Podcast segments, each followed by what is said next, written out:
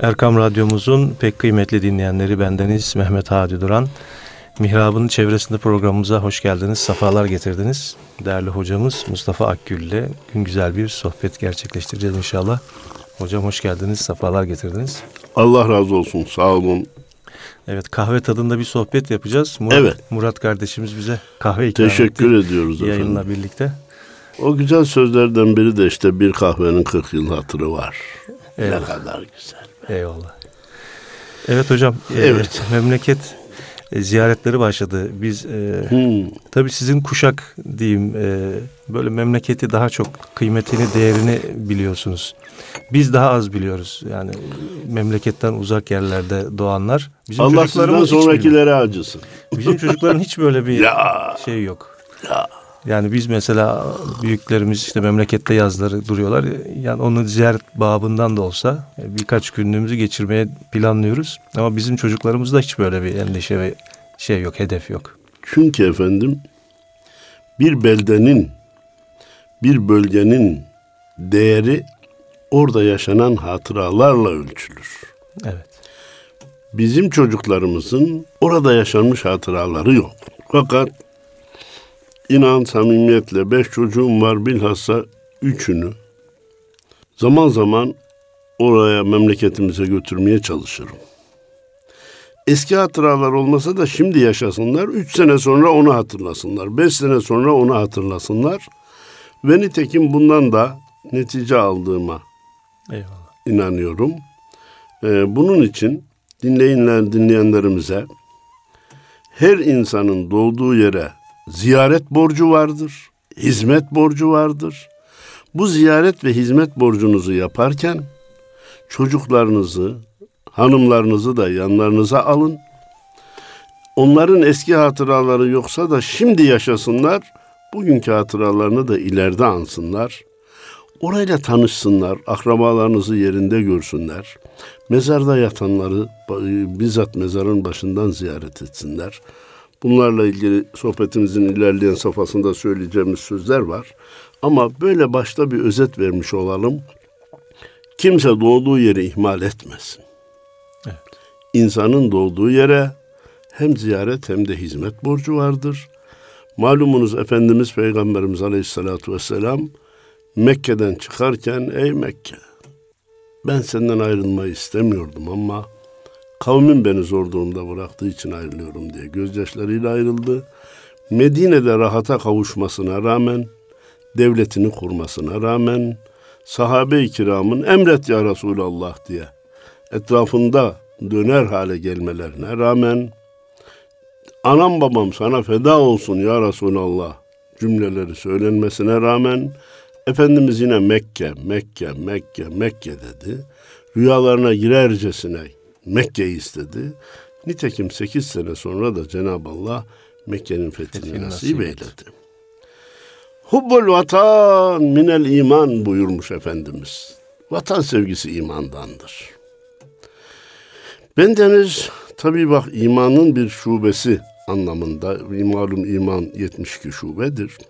Bir de e, vatan sevgisi Allah'ın lütuflarından bir lütuf olarak görüyorum.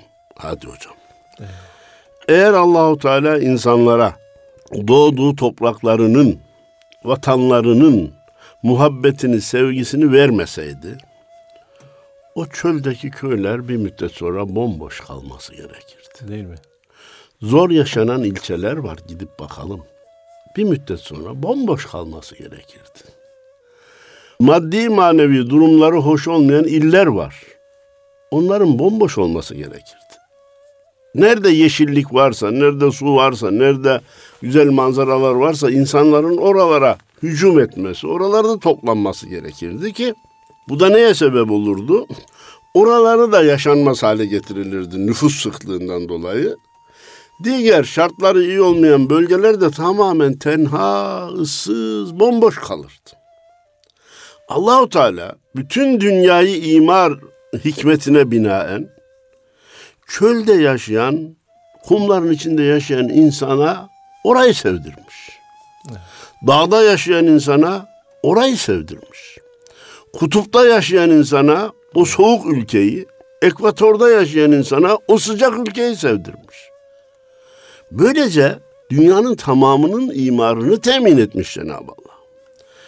Bilmem karadan hacca giderken veya Mekke Medine arasında seyahat ederken hiç köye rastladınız mı?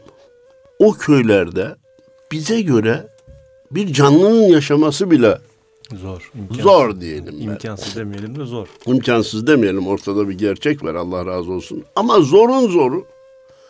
Buna rağmen bak o kişiyi getir. Antalya'ya koy. Bir ay, iki ay, üç ay sevinir. Memnun olur.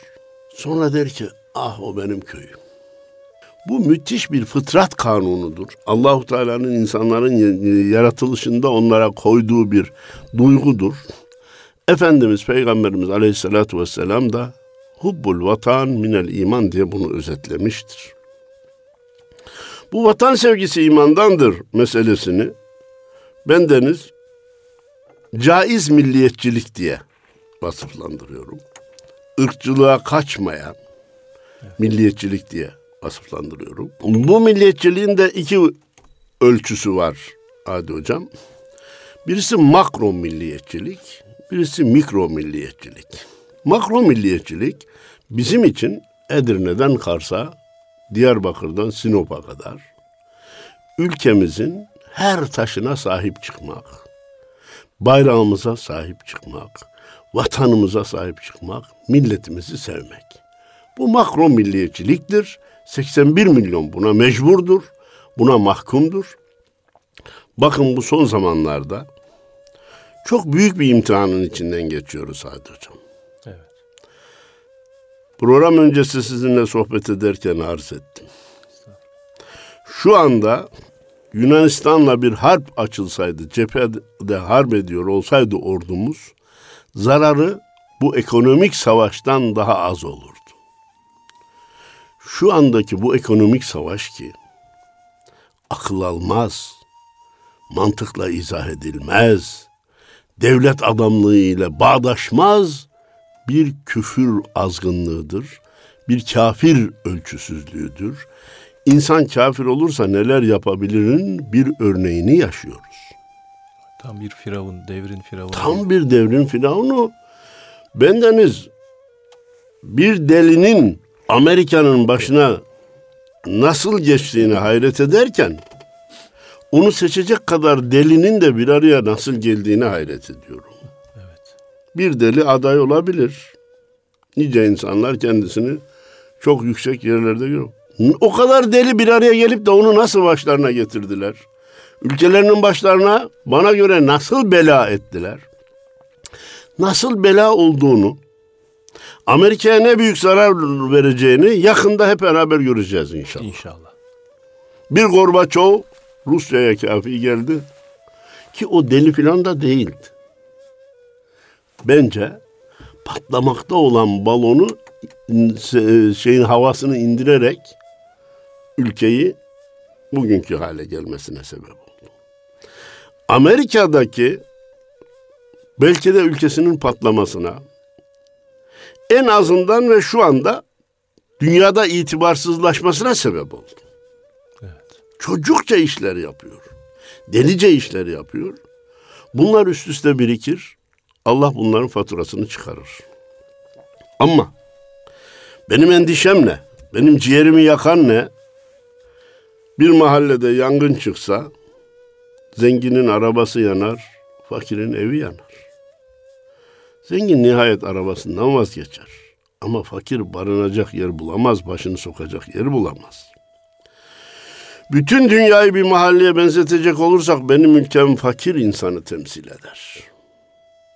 Doların, euronun kısa zamanda bu kadar yükselmesi, nice koca koca şirketleri çok zor durumda bırakır.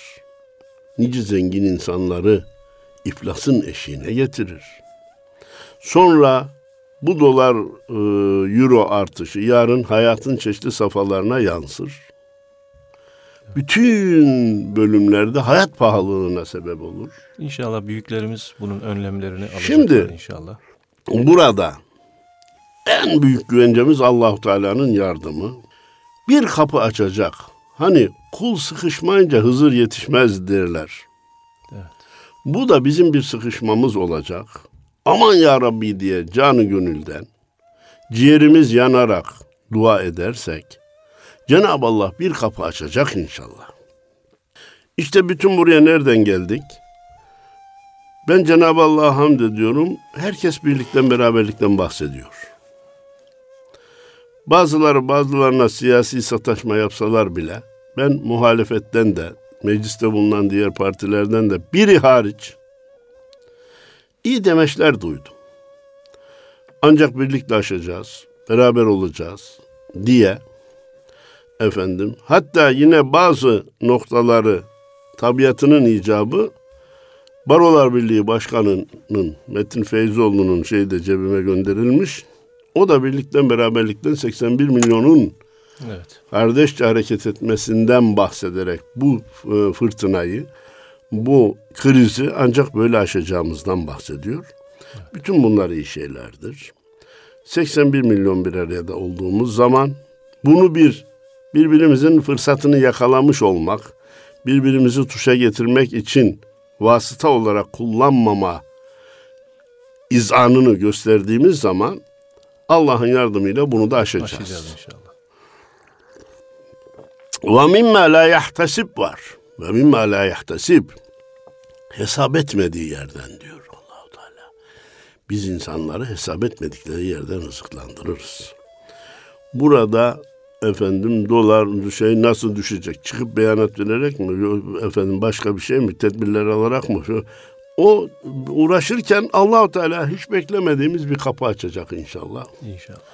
Ee, dünya artık Amerikan zulmüne dur diyecek. Ve inşallah geçeceğiz. Ümit varız. Ümidimizi kaybetmeyiz. Ama olayın çok ciddi olduğunu kabul etmek mecburiyetindeyiz. Cephe harbinden daha çetin bir harbi şu anda yaşıyoruz. Makro milliyetçilik dedik o buraya geldik. Bir de mikro milliyetçilik var. Nedir o? Ben Türkiye'nin hangi şehrinde doğmuşsam o şehri ziyaret, o şehre hizmet.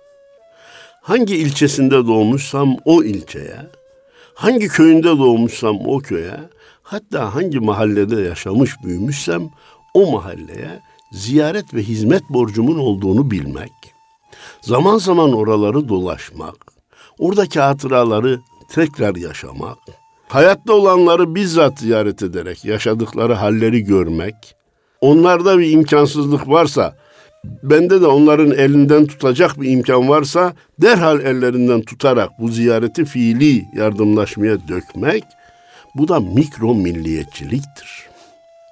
Sadece ayakta olanların, yaşayanların değil, yatanların da mezarlarında olanların da bizim üzerimizde hakkı vardır. Kesinlikle. Onları da ziyaret bizim boynumuzun borcudur. Burada zaten halinize de gelmiştir Hadi Hocam. Bize de zaman zaman gelir soru olarak. Nedir? Hocam İstanbul'dan bir hatim okusak da göndersek memleketimizdeki geçmişlerimizin ruhuna ulaşmaz mı? Ulaşır kardeşim. Uçakta da okusan ulaşır. Mekke Medine'de de dua etsen ulaşır. Ancak mezarı bizzat mezarda yatanız daha doğrusu geçmişlerimizi bizzat mezarlarının başına vararak anmak, okumak, fatihaları, hatimleri oradan göndermek yatandan çok ayaktakinin faydasınadır. Evet. Yaşayanın menfaatinedir. Nedir o? Ölüm denilen hadiseyi bir mezarı görmeden hatırlayamayız.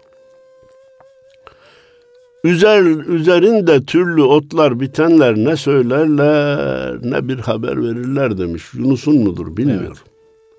Ama sen mezarın üstündeki otun bittiğini göreceksin ki kardeşim. Bir gün ben de buraya gireceğim, benim de üzerimde otlar bitecek.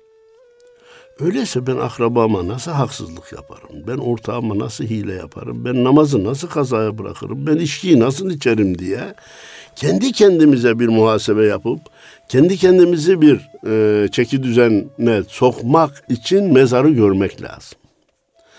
Belki mezardakinin bizzat mezarın başına vararak ziyarette şu menfaati olabilir. Taşı kırılmışsa taşını yaptırırız. Yağmur delmiş de içeriye su akıyorsa orayı tamir ettiririz. Bazen ağaçlar çıkıyor görmüşsünüzdür. Küçük bir ağaç önce çiçek gibi görünüyor sonra öyle bir büyüyor ki eğer siz de 5-8 sene ziyarete gitmemişseniz mezarı paramparça ediyor. Ya mezarlıkta ağacın bulunması güzel şey. Malumunuz Efendimiz Peygamberimiz Aleyhisselatü Vesselam e, sahipleri azap gören iki mezara vakıf oldu. Daha doğrusu içinde yatanların azap gördüğü iki mezara şahit oldu. Ağaç getirin dedi. İkisine iki ağaç bulamadılar. Yaş bir kütük buldular. Efendimiz ikiye böldü. Birini birinin mezar başına, diğerini diğerinin mezar başına dikti. Dedi ki bu ağaçlar, bu kütükler kuruyuncaya kadar bunların cezası hafifletilir dedi. Bu müthiş bir e, mezarlık yeşillendirme faaliyetinin müthiş bir ölçüsüdür. Ancak bu ağaç mezarın ortasında olmayacak. Bir de her ağaçta olmayacak. Bravo. Yani kökleri dağılan ağaç değil de ecdat değil mi? Selvi ağacı dikmiş. O selvideki mana çok önemli. Evet. Eşhedü en la ilahe illallah ve eşhedü enne Muhammeden abduhu ve resulü derken kaldırdığımız şehadet parmağı neyse mezarlıktaki selvi de onu temsil Yani kökü de onun sadece dek, dik inermiş hocam. Hiç böyle etrafa da, dağılmazmış. Teşekkür ediyorum. Ben o özelliğini bilmiyordum evet. da sanki şehadet parmağı gibi yükseldiği için onu tercih etti diyordum. Zaman zaman arz etmişimdir. Ben ırkçı hiç olmadım. Ama Osmanlıcı oldum. Hadi hocam. Osmanlı'ya hayranlığım hem çok büyük hem de devam eder inşallah ölünceye kadar. Nereden bu söze geçtim? Mezarlıkta Selvi caddede çınarı dikmiş. Çınar devleti temsil ediyor. Ebediliği temsil ediyor. Uzun ömürlülüğü temsil ediyor ve şemsiye gibi dallarıyla etrafına koruyuculuğu temsil ediyor. Ki hatırlarsınız Osman Gazi'nin de devleti kurmadan önce rüyası. Rüyasında göğsünden bir çınarın çıktığı bahsedilir. Selvi'nin değil. Tabii ki.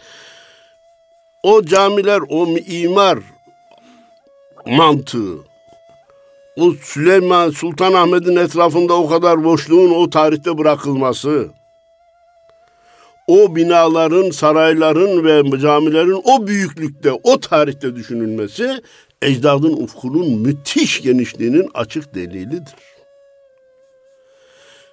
Söz buradayken iştirak edilir edilmez bilmem ama yeni cami yapmak isteyenlerin, yeni kubbe, yeni minare yapmak isteyenlerin sadece Osmanlı'yı taklit etmelerini tavsiye ediyorum. İsabetli bir iş yapmak istiyorlarsa Osmanlı'yı taklit etsinler. Modern olacak diye, değişik görüş, görünüşe sahip olacak diye, insanlara değişik bir manzara verecek diye cami cami olmaktan, minareyi minare olmaktan, kubbeyi kubbe olmaktan çıkardık. Bir gün bize bunun hesabı sorulur diye korkuyorum. Evet. Ecdat zirveye ulaşmış ya. Dünya İslam ülkelerini gezin. Siz de birçok ülkeye gitmişsinizdir. Evet. Hayır bu kadar güzel, bu kadar estetik, bu kadar göze hitap eden. Baktığınızda hiç gözünüzü tırmalayacak ya, bir görüntü yok. Olmayan hiç mimariyi ecdat yakalamış. Biz hatta zaman zaman tırnak içinde çocuk veya gençlik heyecanıyla ecdadın koyduğu şeyi de bozmuşuz. Nispeti, nispet ölçüsünü. Kocaman bir minare. Maalesef. Efendime söyleyeyim. Uzattıkça uzattıkça. Üç tane şerefe. Üç tane şerefe küçük bir camiye filan. Bunlar biraz gençliğin heyecanı ve bana göre de bana göre de bir zamanlar camilerin kapatılmasına karşı intikam duygusuyla camilerin ahır yapılmasına karşı rövanş alma duygusuyla yapılan minarelerdir. O minarelerdeki uzunlukları, sivrilikleri çok büyük yükseklikte yapılmasını ben boşta görmüyorum ama artık rövanş aldık ya yeter. Yeter artık özümüze dönelim değil mi? Özümüze dönelim. Bak arkadaşlar, sevgili dinleyenler. Rövanş nasıl bitti biliyor musunuz? Rövanşta, rövanşı intikama dönüştürmek iyi değil. Rövanş almak lazım. Ama intikama dönüştürmek iyi değil. Ben Deniz 3-4 aydır Çağlayan Adliyesi'ne gidiyorum. Ya hocam senin adliyede ne işin var, soruşturma mı var diye söyleyince bazıları dostlar heyecanlanıyor. Yok diyorum ya. Cuma vaazı yapmaya gidiyorum. Cuma hutbesi okumaya gidiyorum. Nereye hocam yani? Çağlayan'da bir semte mi? Yok kardeşim Çağlayan Adliyesi'ne. Ya o binanın içine mi? O koca binanın içine. E cuma kılan var mı? Doğru. Mescidi 500 kişilik, toplanan cuma cemaati 3000 kişi. Salonlara, e bana yardımcı ol, koridorlara salılar seriliyor efendim.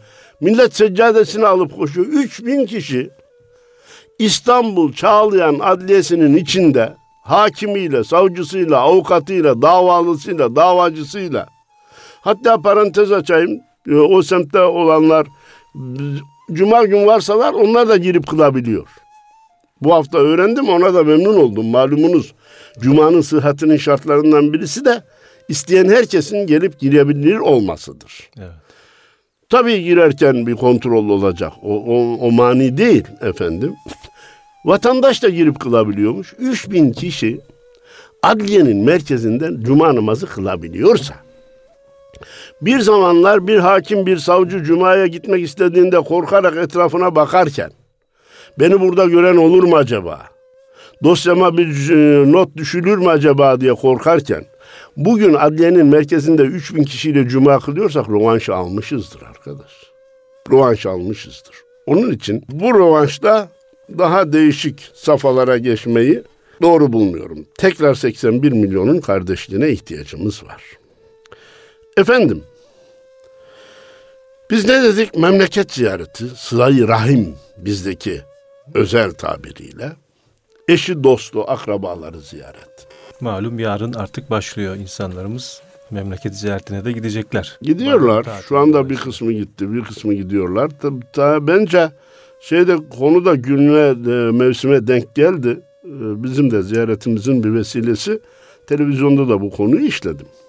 Cenab-ı Allah Bakara suresinin 27. ayetinde fasık insanlardan bahsederken diyor ki Estağfirullah. Ellezine yenkudun ahdallahi min ba'di mithaqihi. O fasık insanlar ki Allah'la ahitleştikten sonra ahitlerini bozarlar. Burası konumuzla ilgili değil ama kısa bir açıklama yapmakta fayda görüyorum. Nedir insanların Allah'la ahdi? Bir, Besmi Elest dediğimiz ruhlar aleminde Kur'an-ı Kerim bize haber veriyor ki Elestu bi rabbikum dedi Cenab-ı Allah. Ben sizin Rabbiniz değil miyim? Kalu bela. Biz de insanlar da ruhlar da. Evet, ha, rivayetler tamamı mı söyledi? Bir kısmı mı söyledi? Bela denildi. Bu birinci ahit. Bir de daha Müslüman alimlerinin, alimlerinin ittifak ettikleri ahit bülü çağına erdikten sonra aklımızı başımıza geldikten sonra eşhedü en la ilahe illallah ve eşhedü enne Muhammeden abduhu ve resulü dedik ya hadi hocam. La ilahe illallah Muhammedur Resulullah dedik ya hadi hocam. İşte bu ikinci akittir. Nerede buradaki akit? İnna Allah eştera minel mu'minine enfusahum ve emvalahum bi enne lehumul cennet. Allah Müslümanlardan mallarını ve canlarını cennet karşılığında satın almıştır. Demek ki biz bülü çağına erip sorumluluk yaşına girince okuduğumuz şehadetle, kelime-i tevhidle Cenab-ı Allah'la bir anlaşma yapmışız. Ya Rabbi biz bu canı ve malı senin istediğin gibi kullanacağız. Rabbimiz de bize demiş ki siz bu anlaşmayı bozmazsanız ben de size cenneti vereceğim. İşte daha geniş kapsamlı anlaşma veya bütün İslam alimlerinin üzerinde ittifak ettikleri anlaşma bu anlaşma. E Cenab-ı Allah ne diyor? Bu anlaşmayı bozarsanız fasık olursunuz. Fasıklar bu anlaşmayı bozar. Peki ama ayetin bu bölümünün bizim konumuzla ilgisi yoktu. Devam ediyor Cenab-ı Allah. Ve yakta'un ma emarallahu bihi en yusal. Allahu Teala'nın vasletilmesini emrettiği şey onlar keserler. Bütün müfessirler diyor ki buradaki vasılda maksat sıla rahimdir. Akraba, eş, dost ve memleket ziyaretidir. Kesmekten maksat da gelmeyi gitmeyi kesmek, bırakmak, bırakmak. alakayı kesmek, selamlaşmayı kesmek, ziyareti kesmektir. Bu da fasıklık alametiymiş. Ve yufsidune fil ardı ulaike humul hasirun. Ayet-i kerime müthiş dalgalarla devam ediyor. Onlar ki yeryüzünde fesat çıkarmış olurlar ve dünyada ahirette hüsrana uğrayacaklardır. Demek ki memleket ziyaretini terk eden, akrabayla alakayı kesen, eşi dostu ziyareti ihmal eden bir fesada da alet olmuş oluyor. Fesadın zıttı ıslah biliyorsunuz. Evet. Arkadaş çoluğun çocuğun yanına alır da akrabalarını ziyaret edersen onlar da seni ziyarete gelirse gelecek nesil de birbirine kaynaşmış olur. Islah dediğiniz. Gitmez gelmezsen ifsat yapmış oluyorsun. Farkına varmadan insanların birbirleriyle yabanileşmesine sebep olmuş. Müfsit diyoruz ya ibadeti bozan. Evet anlamında. bozar. Memleketine hiç gitmiyorsan bir ifsat işliyorsun kardeşim. Orada seni bekleyen insanlar var ya. Elini ulaştırmak mecburiyetindesin. Bendeniz yurt dışına zaman zaman gittiğimde memleketi ziyarete gidiyor musunuz diyor. Hocam beş senedir sekiz senedir gitmem. Arkadaş sen beş sene sekiz senedir gitmezsen köydeki insanın nasıl yaşadığını nereden bileceksin? Orada bir ambulansa ihtiyaç varsa tek başına alamıyorsan üç dört kişi buradan bir ambulans alıp göndermeniz gerekmez mi? Bir MR makinesini bir ilçenize alıp gönderseniz ilçe halkınızın, komşularınızın şehre gitmek mecburiyeti kalmasa doğduğunuz yere bir hizmet vermiş olmaz mısınız? Bunu yaparsanız ıslah etmiş olursunuz. Yapmazsanız oradaki insanların ya dilleri ya saçları size beddua eder kardeşim. Ya dilleri ya saçları size beddua eder. Kaplumbağa yumurtadan çıkmış da yumurtayı beğenmemiş derler. Biz Anadolu'dan İstanbul'a gelmiş olsak da, Türkiye'den Avrupa'ya gitmiş olsak da, Türkiye'den Hakkari'den Amerika'ya gitmiş olsak da biz Hakkari'liyiz, biz Diyarbakırlıyız, biz Trabzonluyuz, biz Edirneliyiz, biz Kaslıyız, biz Yozgatlıyız. Aslımız buralardır. Buraları beğenmeyenin Allah burnunu yerde süründürür. Doğduğu yeri beğenmeyenin, kibirlenenin, döndüğü zaman da oraya hava atmak için dönenlerin Allah burunlarını yerlerde süründürür. Ayet-i kerimeyi arz ettim. Ya hadis-i şerife ne demeli Hadi hocam?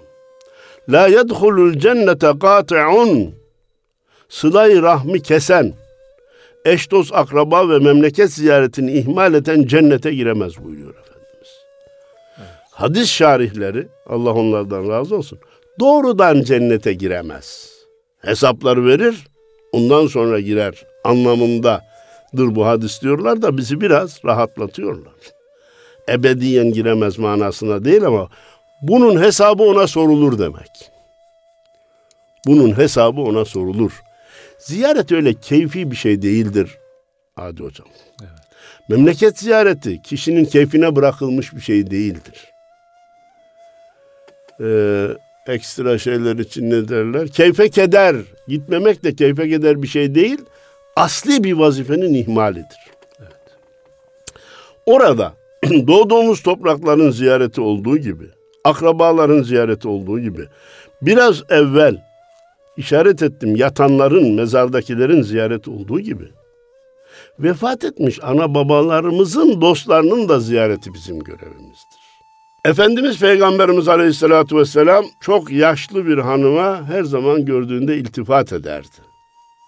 Onun lehinde şeyler söyler, ona bir iltifat eder, hürmet duygusu gösterir. Hazreti Ayşe validemiz merak etti sordu. Nedir bu kadına olan iltifatın ya Resulallah? Çünkü o Hatice'nin arkadaşıydı. Vefat eden eşinin arkadaşına bile iltifat ediyordu Efendimiz Peygamberimiz Aleyhisselatü Vesselam.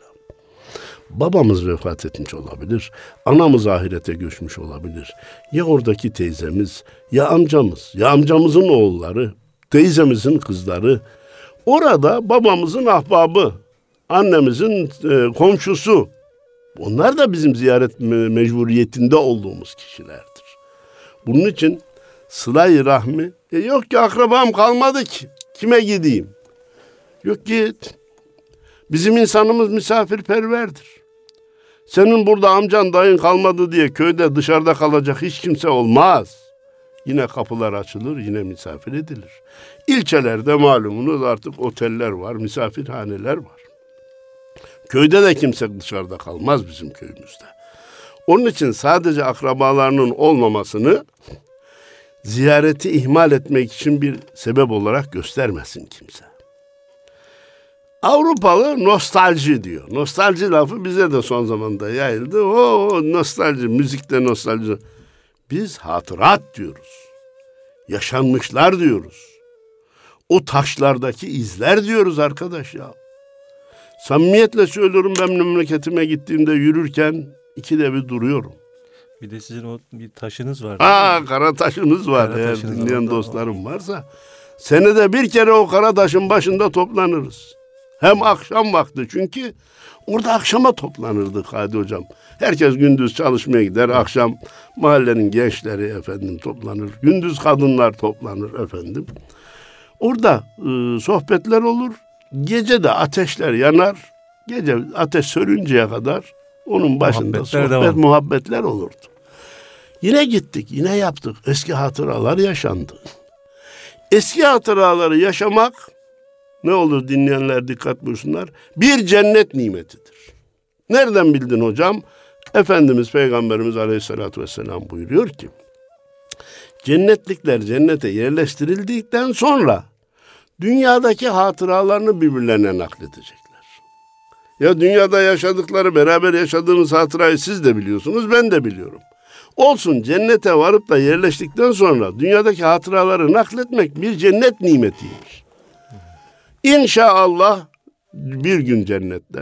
Hadi hocam hatırlar mısın seninle radyo programı yapmıştık. Şu kadar efendim programlar olmuştu diye birbirimize nakledeceğiz. İnşallah. İnşallah. Bu bizim duamız olsun. E peki program yaptığımızı beraber yaptığımızı siz de biliyorsunuz ben de biliyorum. Ya birbirimize bilmediğimiz bir şeyi nakletmiyoruz. Bildiğimiz fakat ortak yaşadığımız bir şeyi orada bir kere daha anmak bize bir cennet nimeti olarak sunulacakmış. Efendimiz bunu söylüyor.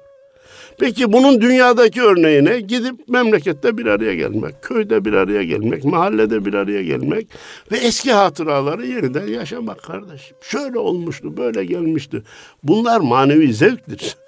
Geçmiş zaman olur ki hayali cihan değer demişler arkadaşlar. Bizim atalarımız boşuna konuşmaz. Efendim, vaktimiz nasıl bilmiyorum. Sohbet güzel gidiyor. Efendimiz Peygamberimiz Aleyhisselatü Vesselam'ın hicretindeki mesajı da iletmiş olduk. Ölmüşlerin ziyareti de önemli dedik. Çocuklarımızı da memleketimize götürelim dedik. Bunlar önemli şeyler. Efendim, orijinal bir şey söyleyeceğim. Memleketi ziyareti ihmal etmeyin. Köyünüze gitmeyi ihmal etmeyin. Eğer fırsatınız varsa da üç hafta kalın. 21 gün. Tansiyonunuz inecek, şekeriniz düşecektir. Evet. Ben doktor değilim. Doktorların verdiği ilaçları terk edin de demiyorum. Ama kolayı var. Memlekete gidin, üç hafta kalın ve iki haftadan sonra tansiyonunuzu her gün, şekerinizi her gün ölçün. Düştüğünü göreceksiniz. Niye? Sizin vücudunuzun hücreleri, genleri doğduğunuz yere göre ayarlanmış. Orayı istiyor. Orada az yaşamış olsanız bile. Hatta İbrahim Saracoğlu'na dayanarak söylüyorum. Sizin vücudunuz sizin doğduğunuz yerdeki soğanı istiyor. Sizin vücudunuz sizin doğduğunuz yerdeki maydanozu istiyor kardeşim. O lahanayı istiyor. O marulu istiyor. Kayseri'deki lahana başkadır, İstanbul'daki başkadır. İstanbul'daki soğan başkadır, köydeki soğan başkadır benim kardeşim. Bunun için bu sıla rahmi basit bir şey gibi görmeyelim. Önemlidir. Tansiyon ve şekerin de düşmesine vesiledir. Genler, hücreler orayı istiyor. Eğer vakit varsa sohbete devam ederiz ama bir noktayı söylemeden geçmemek için Hayattayken gidin, öldükten sonra gitmeyin köyünüze diyor. Eyvallah. Bunun için söylüyorum. Efendim babam e, vasiyet etti. e, Beni babamın yanına defnedin, defnedin dedi. Onun için Edirne'de vefat eden bir yakınımızı Kars'ta babasının yanına götürmeye çalışıyoruz. Yaz, kış, şartlar şöyle böyle. Aa, niye vasiyet etti? Annem köye defnetmeyi, defnedilmeyi vasiyet etti. Hayattayken böyle bir vasiyette bulunan yaşlılarınızı kırmayın, üzmeyin. Gerek yok canım seni buraya defnetsek de ruhen babanla bul- buluşursun demeyin. Ama vefattan sonra illa cenazeyi köye götüreceğiz diye konvoylar oluşturmanıza gerek yok. Bence belediye bu imkanı veriyor ama o ev imkanları da kullanmaya gerek yok. Cenazede eftal olan vefat ettiği yere en yakın bir mezarlığa defnedilmesidir.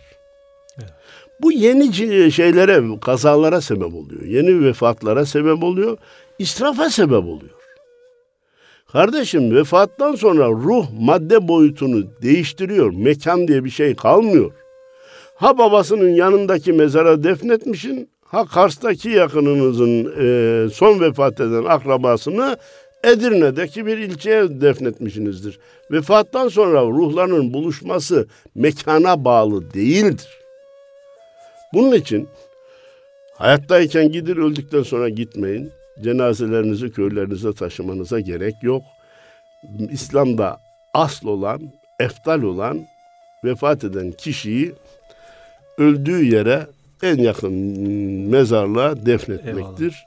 Dedikten sonra Son olarak bir de şey hatırlatalım. Belki siz de onu söyleyeceksiniz. Buyur. Bugün artık tatil e, başlıyor. Trafik kurallarına. giderken Trafik ve kurallarına. dönerken Evet. trafik kurallarına ne olur mutlaka riayet edelim. Evet.